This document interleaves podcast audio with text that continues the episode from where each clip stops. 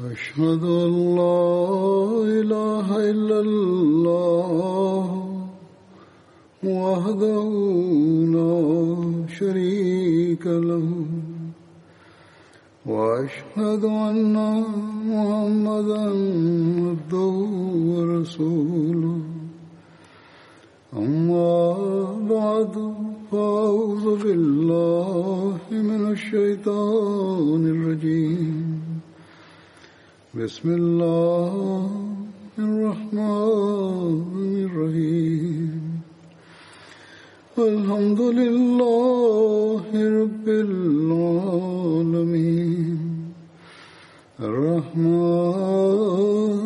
الرحيم مالك يوم الدين إياك نعبد وإياك نستعين اهدنا الصراط المستقيم صراط الذين أنعمت عليهم غير المغضوب عليهم ولا الضالين Bismillah ar-Rahman ar-Rahim. Hazreti Halifatul Mesih peti, da Allah bude njegov pomagač, kaže, kao što sam pro, spomenuo u prošloj hutbi, da poslanik sallallahu alaihi veselam je dobio naradbu od Allaha, Đalašanhu, da treba da kazni pleme Benu Kureiza radi njihove izdaje posle bitke Asa.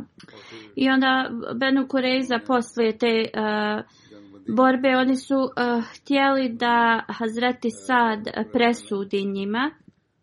Dok je govorio o ovome, Hazreti Muslim Aud radi Allah Anhu je uh, jednom rekao Posle bitke Ashab, posle, nakon 20 dana eh, taj bitka trajala, musliman su taman dobili predah ali su morali da se pobrinu za Benu Koreza, jer Benu Koreza oni su prekinuli ugovor uh, koji su potpisali s muslimanima i ovo se nije smjelo uh, propustiti. Časni poslanik sallallahu alejhi ve sellem je sakupio svoju izmorenu armiju i rekao im je da se ne mogu odmoriti još prije nego što je sunce zašlo tog dana, oni su trebali da odu do tvrđave od Benu Koreiza. Onda je poslao Alija radijalahu Anhu kod Benu Koreiza da ih upita zašto su oni prekinuli ugovor. Kad se Hazreti Ali radijalahu Anhu vratio, uh, on je se sreo sa poslanikom salallahu alaihi veselam i sa ashabima koji su putovali prema toj jevrejskoj tvrđavi. Jevreji su vrijeđali poslanika, salallahu alih veselem, njegove supruge i njegove kćerke, zbog toga što se i bojao da će ovo povrijediti poslanika, salallahu alih veselem, Hazreti Ali mu je rekao, da poslanik sallallahu alejhi ve sellem ne treba da ide da muslimani se mogu pobrinuti za ovo pleme e, jevreja i da bi se on trebao vratiti nazad.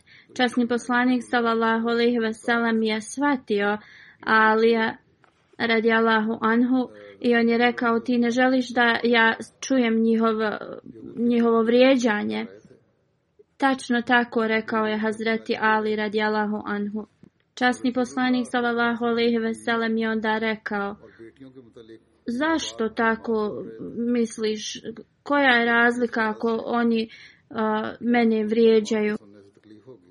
Mo, Musa alejhi selam je bio njihov poslanik iz njihovog naroda i oni su njega stavili kroz više um, patnji i vrijeđanja nego što što su meni časni poslanik sallallahu alejhi ve sellem je onda nastavio e, svoj put prema njima e, tada su jevreji počeli da e, se brane i njihove žene su također se pridružile s njima u ovoj borbi neki muslimani su sjedili uzazid te tvrđave i ova jedna jevrejka je vidjela to i ona je bacila kamen veliki na njih i jedan musliman je tad po, poginuo.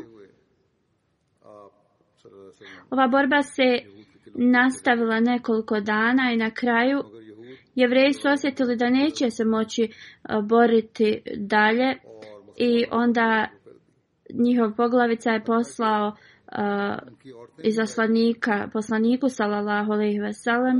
Oni su željeli da razgovaraju sa Ebu Lababom radijala Honhu koji je bio jedan poglavica od Ensarija i oni uh, s njim su uh, htjeli da pregovaraju u vezi uh, mogućeg uh, primirja. Časni poslanik salallahu alaihi veselem je poslao Ebu Lababa uh, kod njih. Oni su ga pitali da li trebaju da spuste svoje oružje i da prihvate uh, presudu od poslanika sallallahu alejhi ve sellem Ebu Lebaba radijalahu anhu je rekao da bi trebali, ali u isto vrijeme on je svojim prstom uh, pokazao kao pre, preko vrata, kao da im slijedi smrt. Časni poslanik, salallahu alihi veselem, uopšte nije nikom je rekao u vezi uh, njegove odluke. Ali Ebu Lebaba, on je bio od mišljenja da zbog njihovog prekršaja uh, koji su radili jevreji, da nika, nikakva druga uh, presuda neće biti osim smrt. I nije razmislio... Uh, pažljivo i on je to pokazao kao svoj, svojim prstom preko vrata, što je značilo smrt. I oni, jevreji, oni su bili prestrašeni. Oni su onda zbog ovoga, uh, oni su rekli Ebule Babi da neće oni prihvatiti uh, presudu od poslanika, salallahu alaihi veselem. Da su prihvatili uh, odluku ili presudu poslanika sallallahu alejhi ve sellem najveća njihova kazna bi bilo da budu protjerani iz Medine ali zbog svoje loše sreće oni su odbili uh, od, presudu poslanika sallallahu alejhi ve sellem umjesto poslanika sallallahu alejhi ve sellem oni su rekli da će uh, prihvatiti uh, presudu od Sad bin Muaz radijalahu anhu, koji je bio poglavica plemena Aus i rekli su da će se složiti sa bilo kojom presudom koju on donese. Tada su također neki jevreji između sebe se raspravljali i rekli su da, da su oni stvarno učinili prekršaj prema muslimanima a da su muslimani pokazali da su zaista ispravni i iskreni i da njihova religija je istinita. I ti koji su bili ovakvog mišljenja tad su se pridružili islamu. Amr bin Soda, jedan od jevrejskih poglavica, eh, je rekao svom narodu, vi ste uradili prekršaj prema svojoj vjeri i, i porekli ste svoje riječi, jedino što imate izlaz je ili da se pridružite islamu ili da plaćate džiziju. Oni su rekli, niti ćemo se pridružiti islamu, niti ćemo plaćati uh, džiziju, jer smrt je bolja od džizije. Amar je rekao, ja u, u ovom slučaju da se on s njima ne slaže i on je napustio uh, tu jevrejsku tvrđavu tad.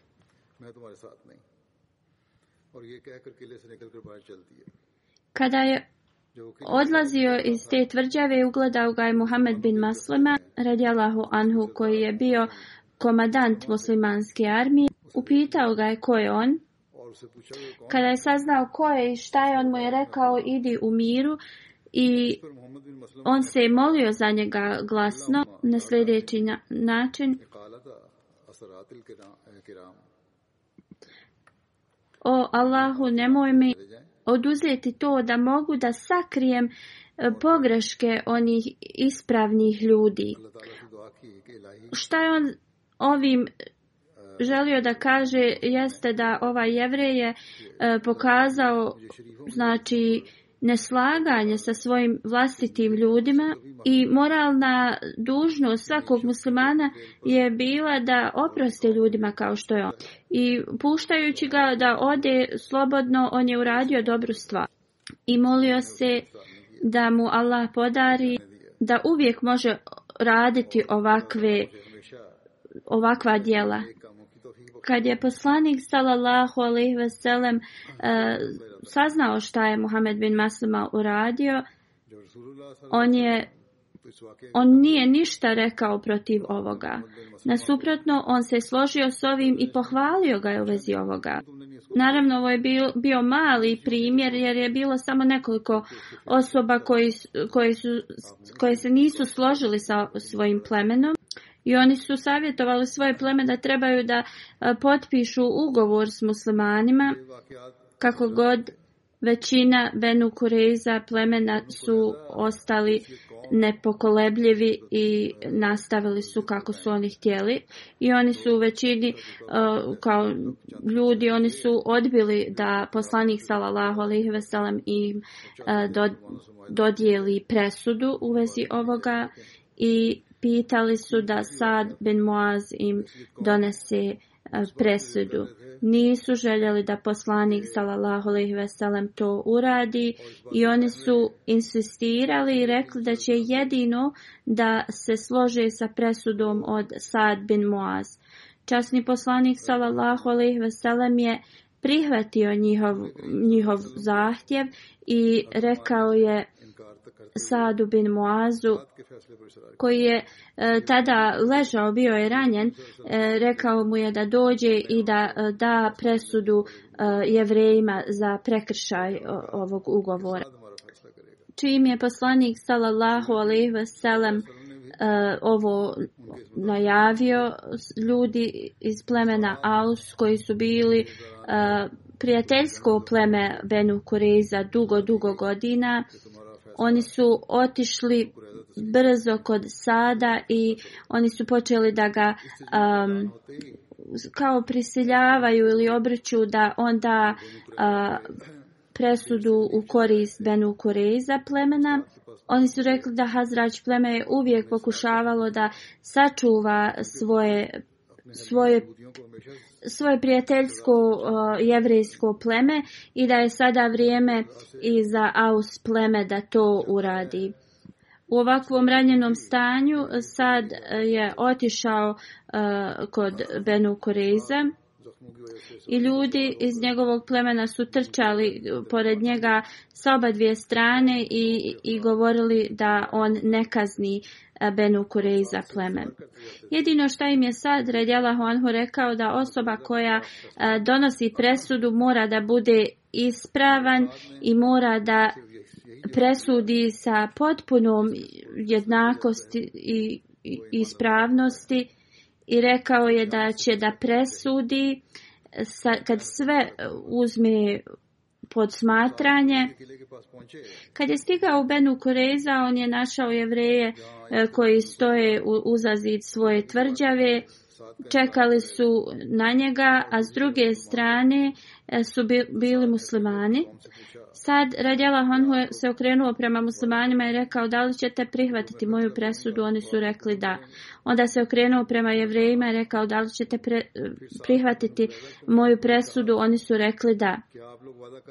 I onda sa velikom skrušenošću gledajući ispred sebe okrenuo se e, prema grupi e, ljudi gdje je poslanik salallahu alaihi veselam se također nalazio i upitao je da li će i ova njegova grupa da prihvati moju presudu i on je imao toliko poštovanje prema poslaniku sallallahu alejhi ve sellem da da nije htio direktno ni da gleda ni da postavi ovo pitanje poslaniku sallallahu alejhi ve sellem ali kako god zato što je bio postavljen e, kao onaj koji donosi presudu onda je morao da postavi ovo pitanje I onda gledajući ispred sebe, on je pitao ovo pitanje poslaniku sala, poslanika sallallahu alejhi ve sellem i kada je poslanik sallallahu alejhi ve sellem uh, čuo ovo pitanje, on je također rekao da kad su se svi složili da će prihvatiti uh, presudu uh, od Hazreti Sada, onda je donio presudu, ali je donio prema uh,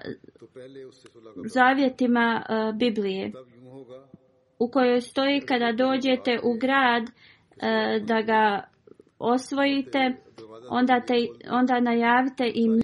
Ako prihvate mir, onda ih ostavite u miru.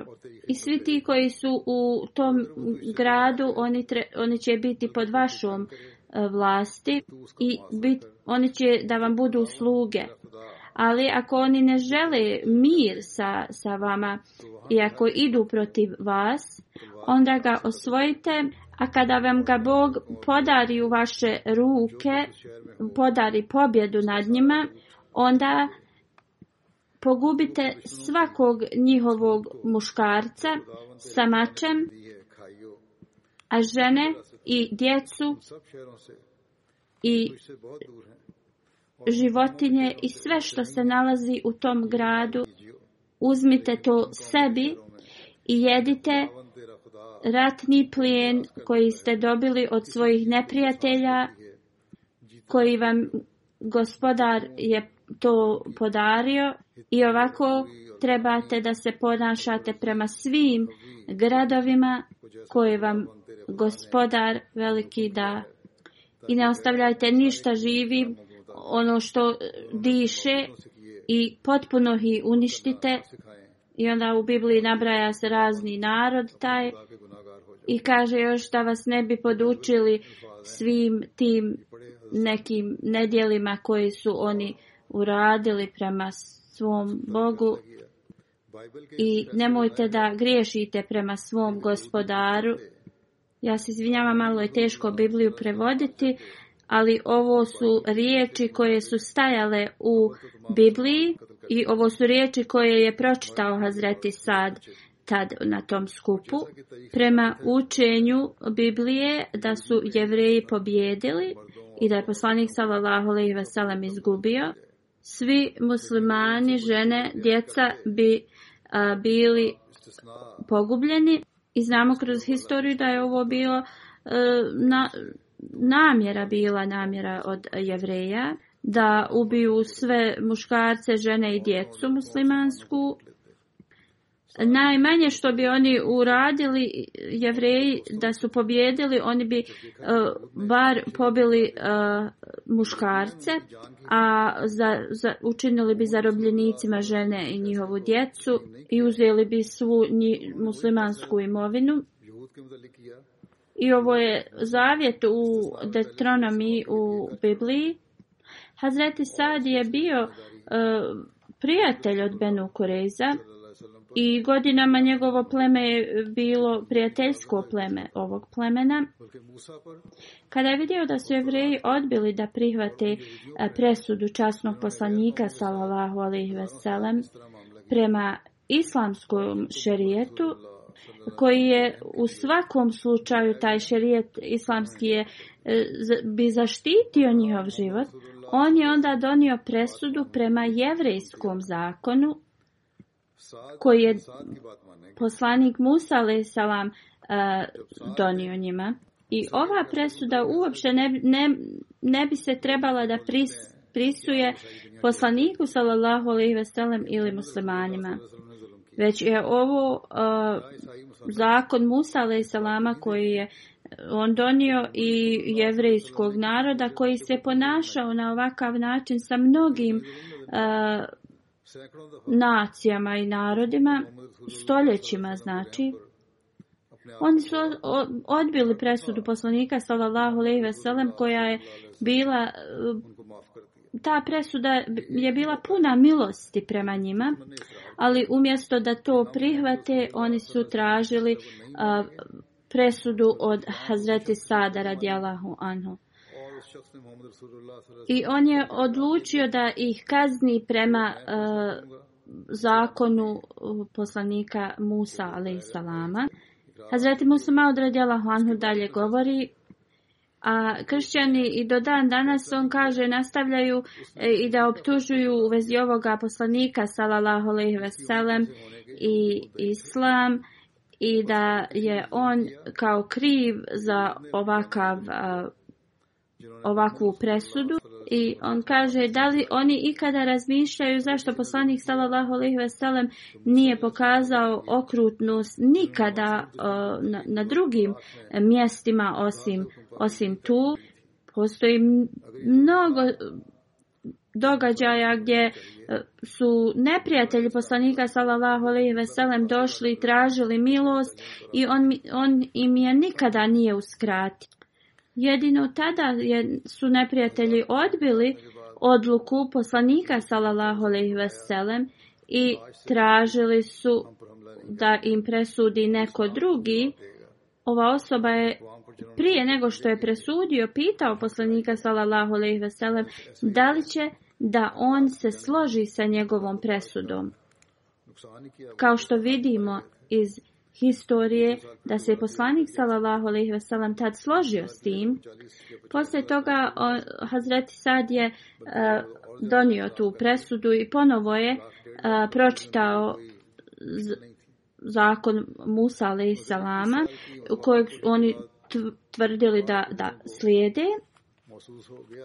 I znači jedina okrutnost ako se do, dogodila to je bilo prema uh, jevreji sami prema sebi zato što su odbili da prihvate presudu poslanika sallallahu alejhi ve sellem. I znači, ako ikoga trebaju da krive, onda to treba da, da krive poslanika Musa alejhi salama koji je donio ovaj zakon i kojeg oni slijede. I onda ovi krišćani koji uvijek optužuju poslanika sallallahu alejhi ve sellem oni onda trebaju da optužuju taj zakon koji je Musa alejsalam donio ili da se žale uh, Bogu od Musa alejsalama koji je donio u Tevratu ovakav uh, ovakvu presudu prema neprijateljima ili ovakav uh, ovakvo naređenje kad se borba uh, na Ahzab završila Poslanik sallallahu alejhi ve sellem je rekao da od tog dana pa nadalje idolo poklonici neće napasti muslimane. Umjesto toga islam će da odgovara e, ovim nasilnicima e, koji rade ovaj zločin protiv muslimana. I sada da će se uh, strane okrenuti. U ovoj borbi muslimani nisu uh, uh, imali dosta žrtava, izgubili su nekoliko ljudi. 21 godinu, znači kako isla, postojanja, od postojanja islama, neprijatelji su činili i, i pokušavali i davali sve od sebe da izbrišu islam sa zemaljske kugle. Ali e, kako smo osmani napredovali, neprijatelji su sve više i više gubili nadu i shvatali su da je Bog uz časnog poslanika sallallahu alejhi ve sellem i islam. Iako su oni e, i dalje nastavili da da padaju ispred svojih idola, ali u njihovim srcima je jednostavno to e, pos, počelo da postoji e, taj nemir i osjećaj da zaista samo ima e, jedan bog, a to jeste Allah. Abu Sejd Hudri prenosi da nekoliko e, jevreja iz te e, tvrđave je izašlo i da su oni bili spremni da prihvate presudu od Hazreti Sada. Poslanik sallallahu alaihi wasallam je E, je poslao po Hazreti Sada koji je bio ranjen i on je došao tu. On je jahao magarca i kada je stigao tu, e, poslanik sallallahu alaihi wasallam je rekao ustanite ispred onoga koji je e, najbolji od vas ustanite i dočekajte svog vođu. I onda je poslanik sallallahu alejhi ve sellem rekao: "O Sad, ovi ljudi žele, žele da čuju tvoju presudu." Hazreti Sad je odgovorio: "Moja presuda je za, za njih oni koji su uzeli oružje e, protiv e, vas da je njihova kazna smrt." a njihove žene i porodice e, da budu e, zarobljenici. Poslanik sallallahu alejhi ve sellem je rekao ti si donio svoju odluku prema Božijem naređenju ili je rekao dao si svoju e, presudu e, na način na koji kralj donosi. Ovaj hadis se prenosi u Sahih Buhariju. Dalje detalje u vezi ovoga su spomenuti od Hazreti Mirza Bashir Ahmed Saheb, koje ću da, neke od njih ću da spomenem sada. U vezi Banu Koreza on piše poslije borbe koja je trajala manje ili više od 20 dana, ovi jevreji su se složili da izađu iz svoje tvrđave i da im bude presuđeno od, od čovjeka, iako je on godinama bio njihov prijatelj, plemena su i bila prijateljska, ali on, taj čovjek, u svom srcu nije našao nimalo um, sažaljenja prema njima uh, zbog njihovih loših zločina i dijela koji su radili. I on nije imao toliku milost kao čovjek koji je poslan ovome svijetu kao milost. Detalji slijede da je Aus e, pleme bilo dugogodišnje uh, prijateljsko pleme u Medini i Sad bin Muaz je bio poglavica tog plemena. On je bio ranjen u borbi uh, kod rova. I on je bio, liječio se u, u verandi ispred džamije u Medini. Zbog tog prijateljstva dugogodišnjeg jevreji su rekli mi uh, želimo da Saad bin Muaz uh, donese odluku i šta god on uh, kao odluči, mi ćemo prihvatiti. Kako god, kao što sam spomenuo, neki od jevreja nisu se složili sa ovim prijedlogom i oni su smatrali svoje ljude da su kriminalci i jednostavno u njihovim srcema uh, se usadila ta misao i, i jednostavno oni su uh, bili, shvatili su istinitost islama. I prema historiji oni su uh, rado tad prihvatili islam i postali su sluge časnog poslanika sallallahu alejhi ve sellem a također i osoba koja nije priš, prešao prešao na islam ali on je bio toliko postiđen eh, ovom izdajom svog naroda da da je jednostavno napustio Medinu I on je rekao da moj narod je izdao Muhameda, salallahu alaihi veselam. I ne želim da budem dio ovoga kako god ostatak ovo, ovog naroda, oni su ostali ne, ne jednostavno nisu mijenjali svoje mišljenje. I kao što sam uh, spomenuo ranije, poslanik sallallahu alejhi ve sellem je prihvatio njihov njihov zahtjev i poslao je nekoliko ashaba ensarija da uh, pozovu Sada radijallahu anhu.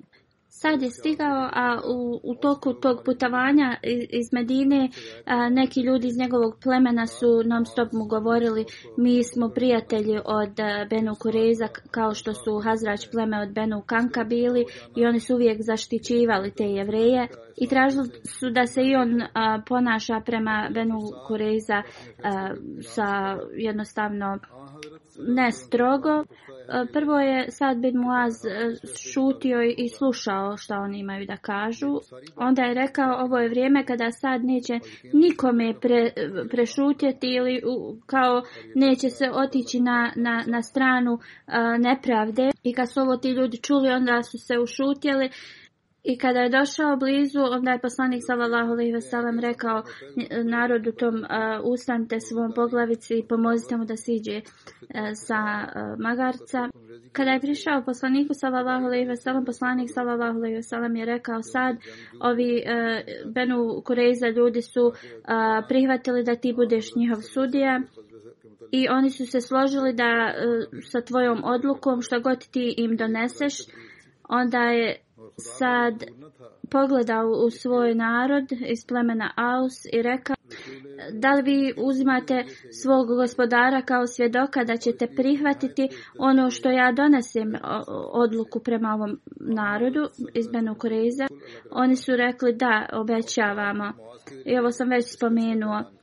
Onda se okrenuo prema strani gdje je poslanik s.a.v. E, sjedio i rekao je da li ovaj časni čovjek također prihvata moju odluku. Poslanik s.a.v. rekao da ja obećavam. I kada su se svi složili, onda je on donio svoju odluku i rekao je ovi ljudi koji su se borili protiv muslimana, oni, e, njima je dodjeljena smrtna kazna, a njihove žene i djeca će biti zarobljenici, a njihovo bogatstvo će biti podijeljeno muslimanima. Kad je poslanik sallallahu alaihi veselam čuo ovu odluku, rekao je ovo, ova tvoja odluka je od Božje određenje koje se ne smije a, promijeniti ni, ni poreći. Značenje ovih riječi jeste da se ovo do, desilo pod takvim a, e, uslovima da Božja moć se ta, toliko vidjela da, da je tu prisutna, znači i, i sve to što se odigralo to je bilo prema Allahovom određenju. I zbog ovog razloga a, e, poslanikova milost koju on uvijek pružao svima e, nije mogao to da pruži i njima. Ovo je zaista istina da je bu, oni jevreji su tražili da dođe Ebu Lababa i na način na koji je on njima rekao i oni su odbili e, da poslanik s.a.v. bude sudija i presudni njima i oni su mislili da će Aus pleme da se ponaša prema njima više blagonaklonjeno zbog e, dugog prijateljstva i tražili su sad Ben Moaz da im presudi, ali on je bio ispravan čovjek i, i, i koji je tada jednostavno u njegovo srce se ulila ta odlučnost da on jednostavno uh, uradi sve prema ispravnom uh, i da im dodijeli kaznu koju su zaslužili i da uopšte se ne ponaša s njima kao prema dugotrajnim prijateljima. Šta više, prije nego što je rekao ovu odluku, on je također tražio obećanje od poslanika, salallahu alaihi vasalam, da neće promijeniti njegovu, njegovu presudu. I ovo nije slučajnost, ove sve stvari koje su se odigrale. Zaista ovo je bila Božja volja koja je, koja je e, izvršena. I ova odluka je odluka uzvišenog Allaha, a ne e, odluka, a ne... E, od eh, Hazreti Sada, radi Allahom. Hazreti Mirza Bashir Ahmed Saheb dalje e, piše da izgleda radi zbog njihovih prekrešaja, zbog raznih stvari koje su oni pokušavali prema a, eh, muslimanima, ovo pleme Benu Kureza, da jednostavno uzvišan Allah je već njima bio donio tu kaznu i da ti zločinci budu otklonjeni sa, sa, sa ove zemlje. I ovo je sve Božja volja, ali al, uzvišen Allah nije želio da ovak, ovo ovu odluku donosi njegov poslanik. I kompletno je držao poslanika sallallahu alejhi ve sellem po strani i učinio je da sad bin Muaz bude taj koji će da uh, presudi ovu ovu kaznu. I Na način na koji se ovo sve odigralo, poslanik sallallahu alejhi ve sellem nije mogao da da bilo šta promijeni. Zbog toga što je on obećao da će se u potpunosti pridržati sadove odluke. I iako je toliko poslanik sallallahu alejhi ve sellem bio blagonaklon i, i, i uvijek bio milostiv, ali ovo jednostavno tako se to desilo da da on nije uh, E, zbog svog obećanja e, mogao da promijeni tu, tu odluku od e, Hazreti Sa. I tada je poslanik sallallahu alejhi ve sellem sasvim spontano iz, izgovorio sljedeće riječi: "O sad tvoj, tvoja odluka izgleda kao božja odluka koju niko nema moć da da promijeni." Kad je ovo izgovorio, poslanik sallallahu alejhi ve sellem je ustao i vratio se u grad.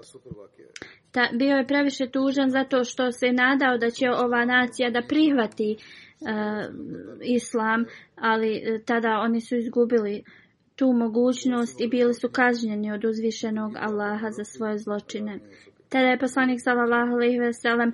rekao da je samo njihovih deset ljudi koji su bili e, značajniji u njihovom e,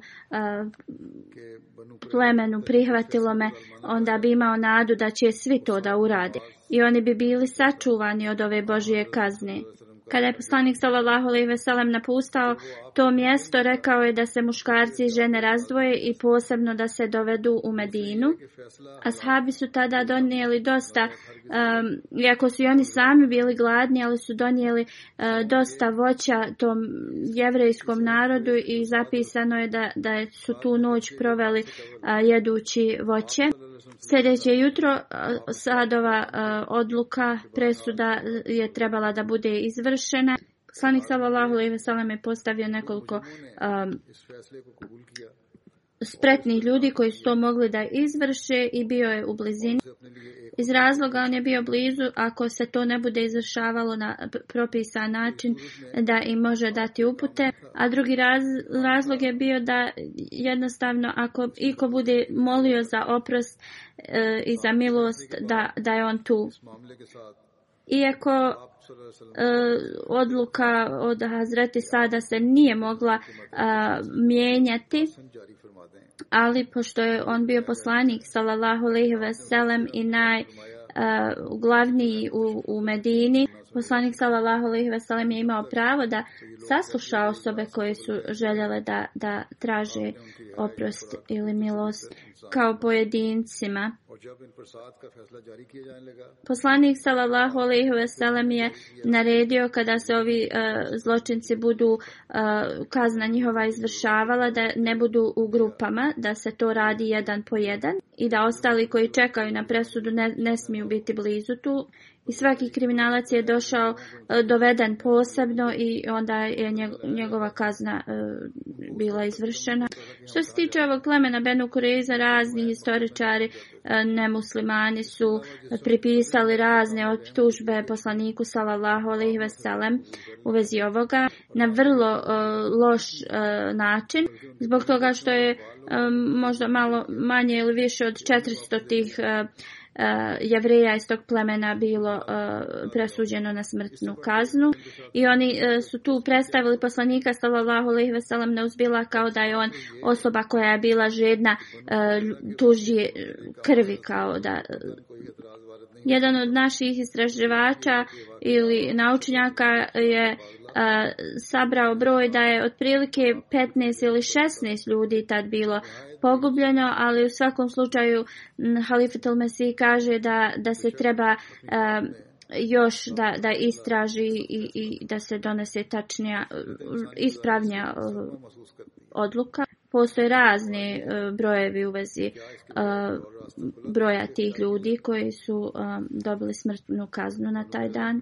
Neki govore da je bilo stotinu, neki četiri stotine, neki i do hiljadu. U svakom slučaju ne postoji tačan broj i treba se više istražiti u vezi ovoga.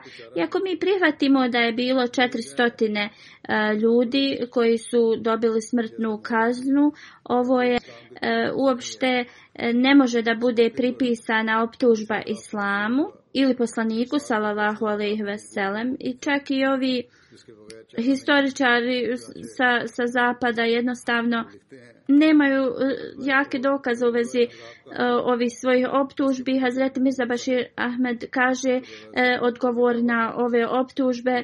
Prvo, uh, da, da kazna koju je don, izgovorio Hazreti uh, Sad radijalahu anhu, to nije nj, njegova bila odluka. Nije bila odluka poslanika sallallahu alaihi veselam.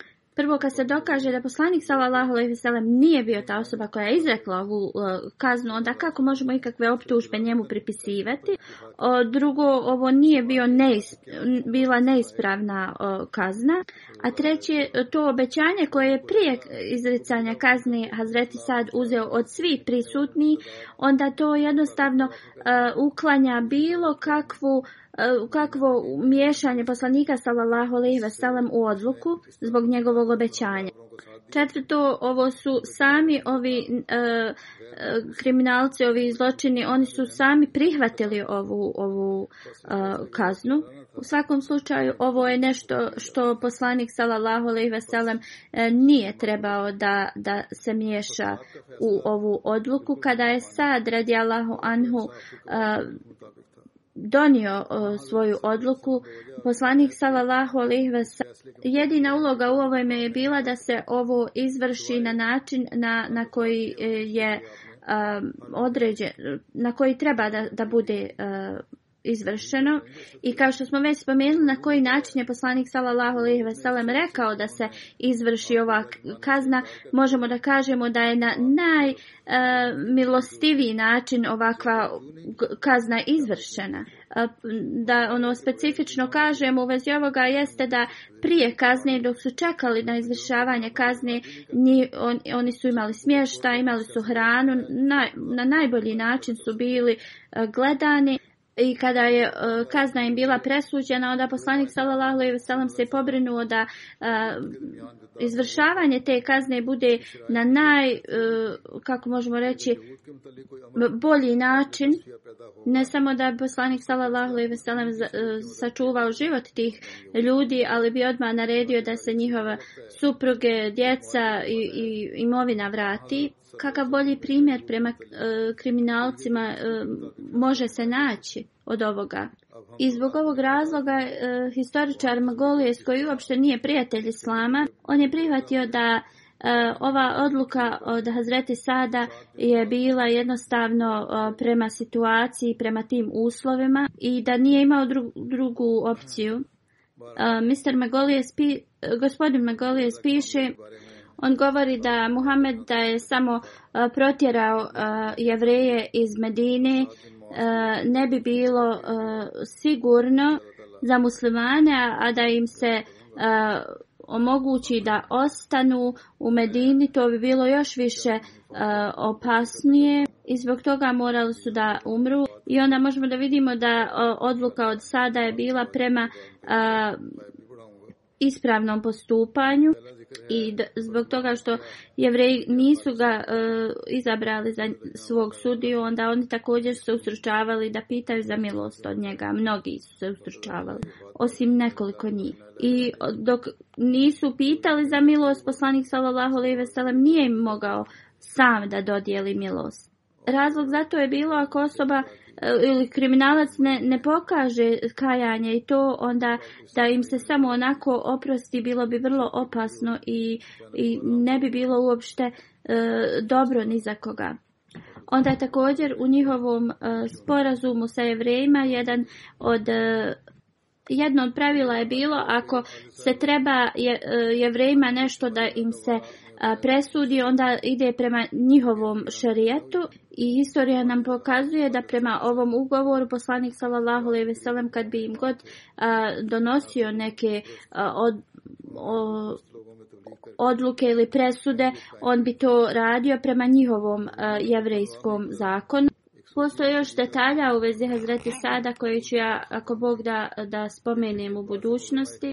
Sada ću da govorim o nekim e, članovima koji su nedavno preminuli i poslije džume ću im klanjati e, dženazu u odsustvu. Prva dženaza je od e, cijenjene Hadžija Ruke Halid Sahiba koja je služila kao e, sadar leđna Imajla u Gan preminula je 30. juna u 65. godini. Zaista smo Allahovi, njemu se vraćamo.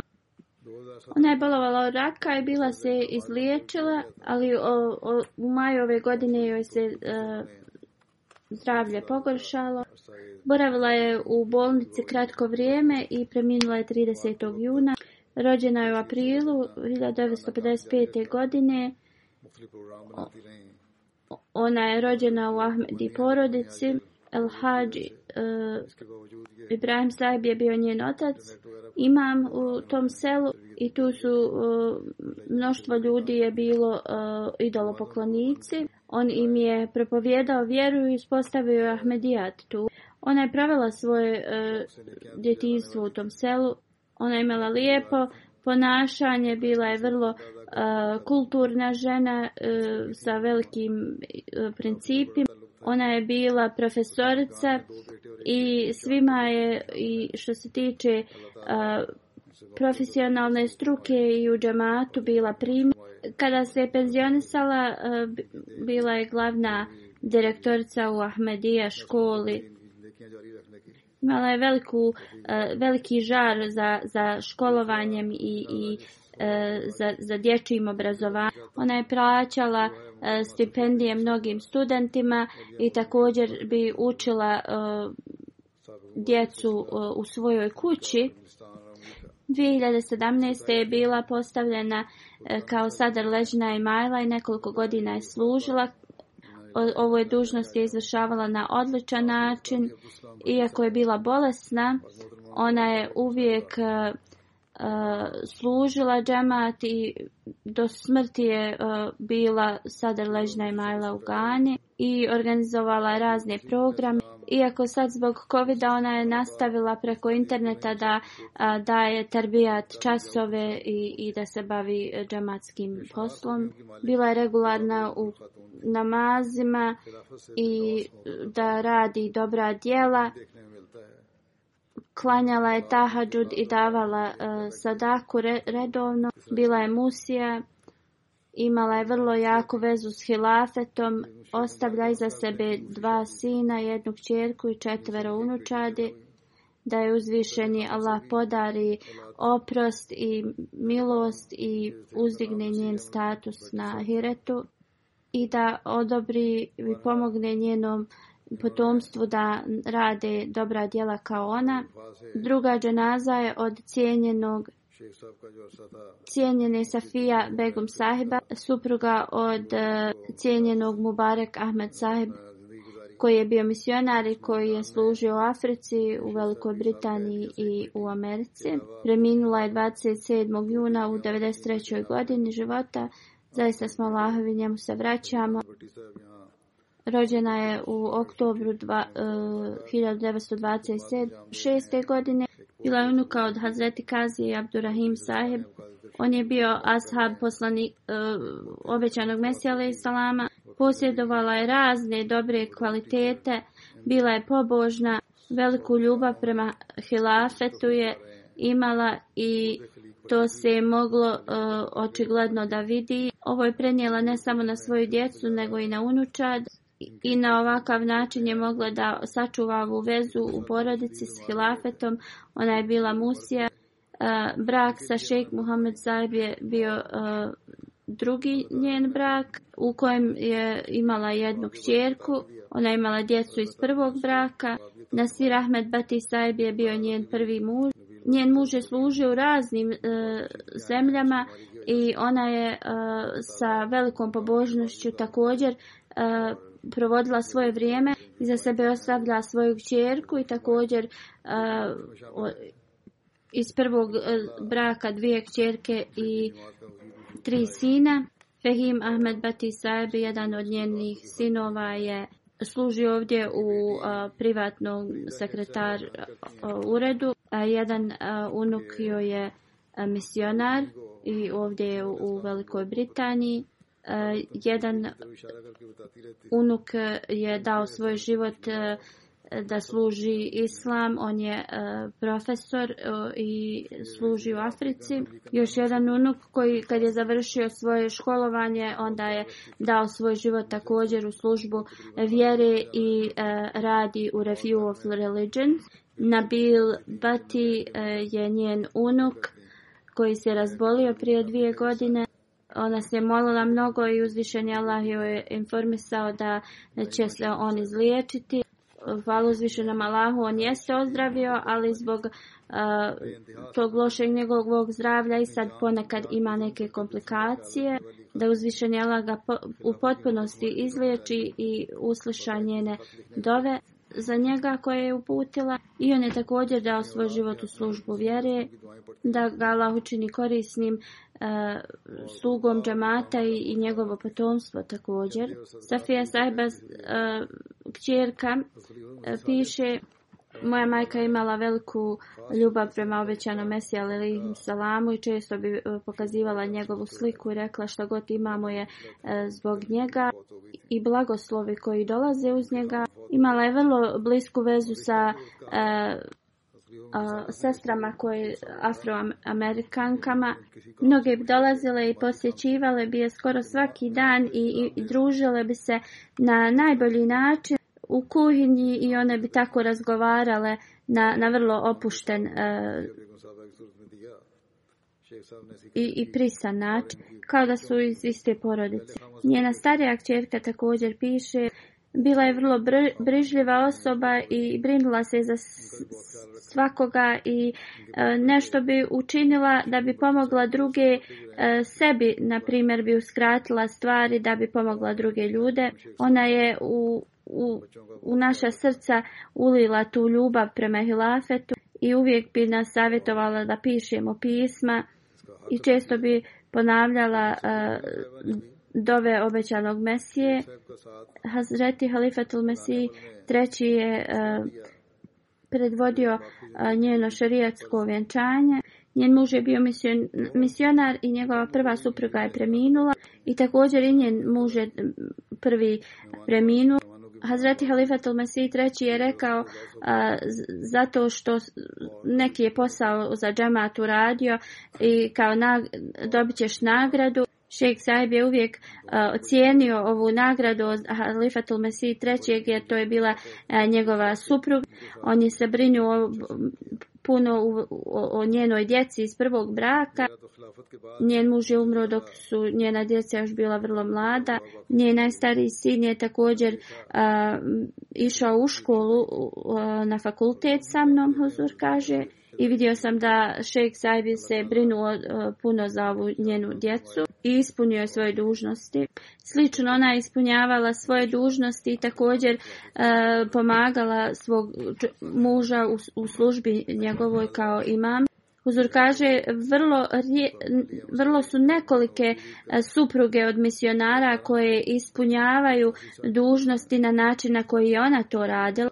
Ona je na najbolji način služila uh, sve goste i nikada se nije uh, žalila ni zbog čega i uvijek se molila za članove džemata i ponašala se prema šejih sajbu i e, njegovoj porodici vrlo dobro. Uzor kaže, ja sam ju upoznao posle kada sam postao halifa i vidio sam u njenom ponašanju da ima ogromnu ljubav prema hilafetu što se rijetko način na koji ona e, imala tu vezu i ljubav prema hilafetu rijetko se viđa. Da uzvišeni Allah uzdigne njen status i njeno potomstvo da, da nastavi raditi njena dobra djela i ima veliku vezu s hilafetom. E, treća džanaza je od e, cijenjenog Ali Ahmed Saheb. On je služio kao mualim od Vakfe Džadija ali sad je penzionisan bio. Preminuo je 18. juna u 86. godini. Zaista smo Allahovi, njemu se vraćamo. Njegov otac je bio uh, ashab obećanog Mesija, ali i Salama, 1903. kad je uh, obećan Mesija putovao u Džehlem i njen otac je putovao iz svog sela 10 uh, milja da bi uzeo bejat u ruci obećanog Mesija, ali i Salama. 1965. E, je e, dao vakf i otprilike e, do 2008. oko 41 godinu je služio u raznim odborima u džamatu. Podučio je Kur'an stotinama ljudi, što je uključivalo muškarce, žene, djecu i propovjedanjem vjere. Mnogi ljudi su ušli. Bio je Musi, ostavlja iza sebe suprugu, dvije hćerke i tri sina. Jedan od njegovih sinova je misionar koji služi zadnji sedam godina u Gani, u džami Ahmedija Gana. Zbog trenutne situacije nije mogao prisustovati džanazi svog oca. Mukfur Ahmed Zaj piše da u vezi njega da je bio iste, iskreni uh, primjer svim onim ljudima koji su dali svoj život za, u službu džama, islama. Eh, uvijek je vrlo malo govorio, uvijek je gledao predase i ne bi se miješao u, u, u stvari drugih ljudi. Pobožan uvijek se ponašao s ljubavlje prema drugima. Veliku vezu je imao i, i poslušnost prema hilafetu djeca koja su bila njegovi studenti sad su od, odrasli, ali ta ljubav njegova prema njima je do dan danas ostala u njihovim srcima. Uzvišeni Allah podi, uzdigne njegov e, status na Ahiretu i, nas, i pomogne njegovom potomstvu da nastavi da radi e, dobra djela. Sljedeća dženaza od Rafika Bibi Sahiba, supruga od e, Rashid Ahmed Sahiba preminula je 22. maja. Zaista smo Allahovi, njemu se vraćamo. Ahmedijat je došao u njenu porodicu preko njenog djeda koji je bio ashab obećanog Mesija alaih salama. Njen sin piše, od kako se mogu sjetiti, uvijek sam je vidio da je pobožna i da je klanja svoje namaz i redovno postila znala je mnogo Kur'ana na pamet i svako jutro bi učila naglas da svi ukućani mogu da, da slušaju njen, njeno učenje Kur'ana. Kada bi prerađivala mlijeko, učila bi e, surat Olgabu. Kada bi klanjala, uvijek bi e, unučad oko sebe da klanjaju sa njom tako da bi oni stekli na naviku da klanjaju namaze. Poslije namaza bi uh, sjedila dugo i učila tespi, znala je mnogo uh, sura na pamet, imala je veliku ljubav prema hilafetu i uvijek je uh, vjerovala u primanje dova od halife kad se moli za nas. Uh, uvijek bi ponosno govorila da je jedan od njenih sinova je misionar. I još jedan unuk je u student u džami i još jedan unuk je misionar često bi govorila da e, je blagoslov uzvišenog Allaha koji je e, proširio njeno potomstvo širom svijeta i za sebe ostavlja šest sinova, jednu čerku i mnoge, mnoga unučad. E, jedan od njenih sinova služi u Tanzaniji kao misionar i zbog trenutne situacije i zbog njegovih obaveza nije mogao da a, pristupi, prisustuje njenoj dženazi da Malah podari sabu. Jedan od njenih unuka e, služi kao misionar u Pakistanu, a jedan unuk je u šest, pohađa šestu godinu u džami Ahmedi u Gani. Uzvišen je Allah podari milost i uzigne njen status na Ahiretu i da njena potomstvo nastavi da radi njena dobra djela.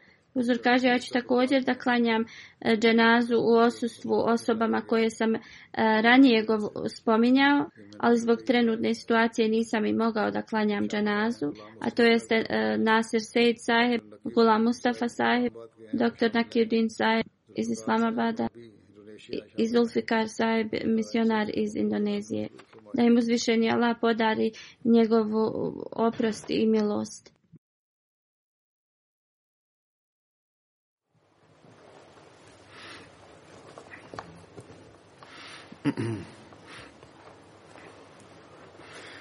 الحمد لله الحمد لله نحمده ونستعينه ونستغفره ونؤمن به ونتوكل عليه ونعوذ بالله من شرور انفسنا ومن سيئات اعمالنا من يهده الله فلا مضل له ومن يضلل فلا هادي له ونشهد أن لا إله إلا الله ونشهد أن محمدا عبده ورسوله عباد الله رحمكم الله إن الله يأمر بالعدل واللسان وإيتاء ذي القربى وينهى عن الفحشاء والمنكر والبغي يعظكم لعلكم تذكرون اذكروا الله يذكركم وادعوه يستجب لكم ولذكر الله أكبر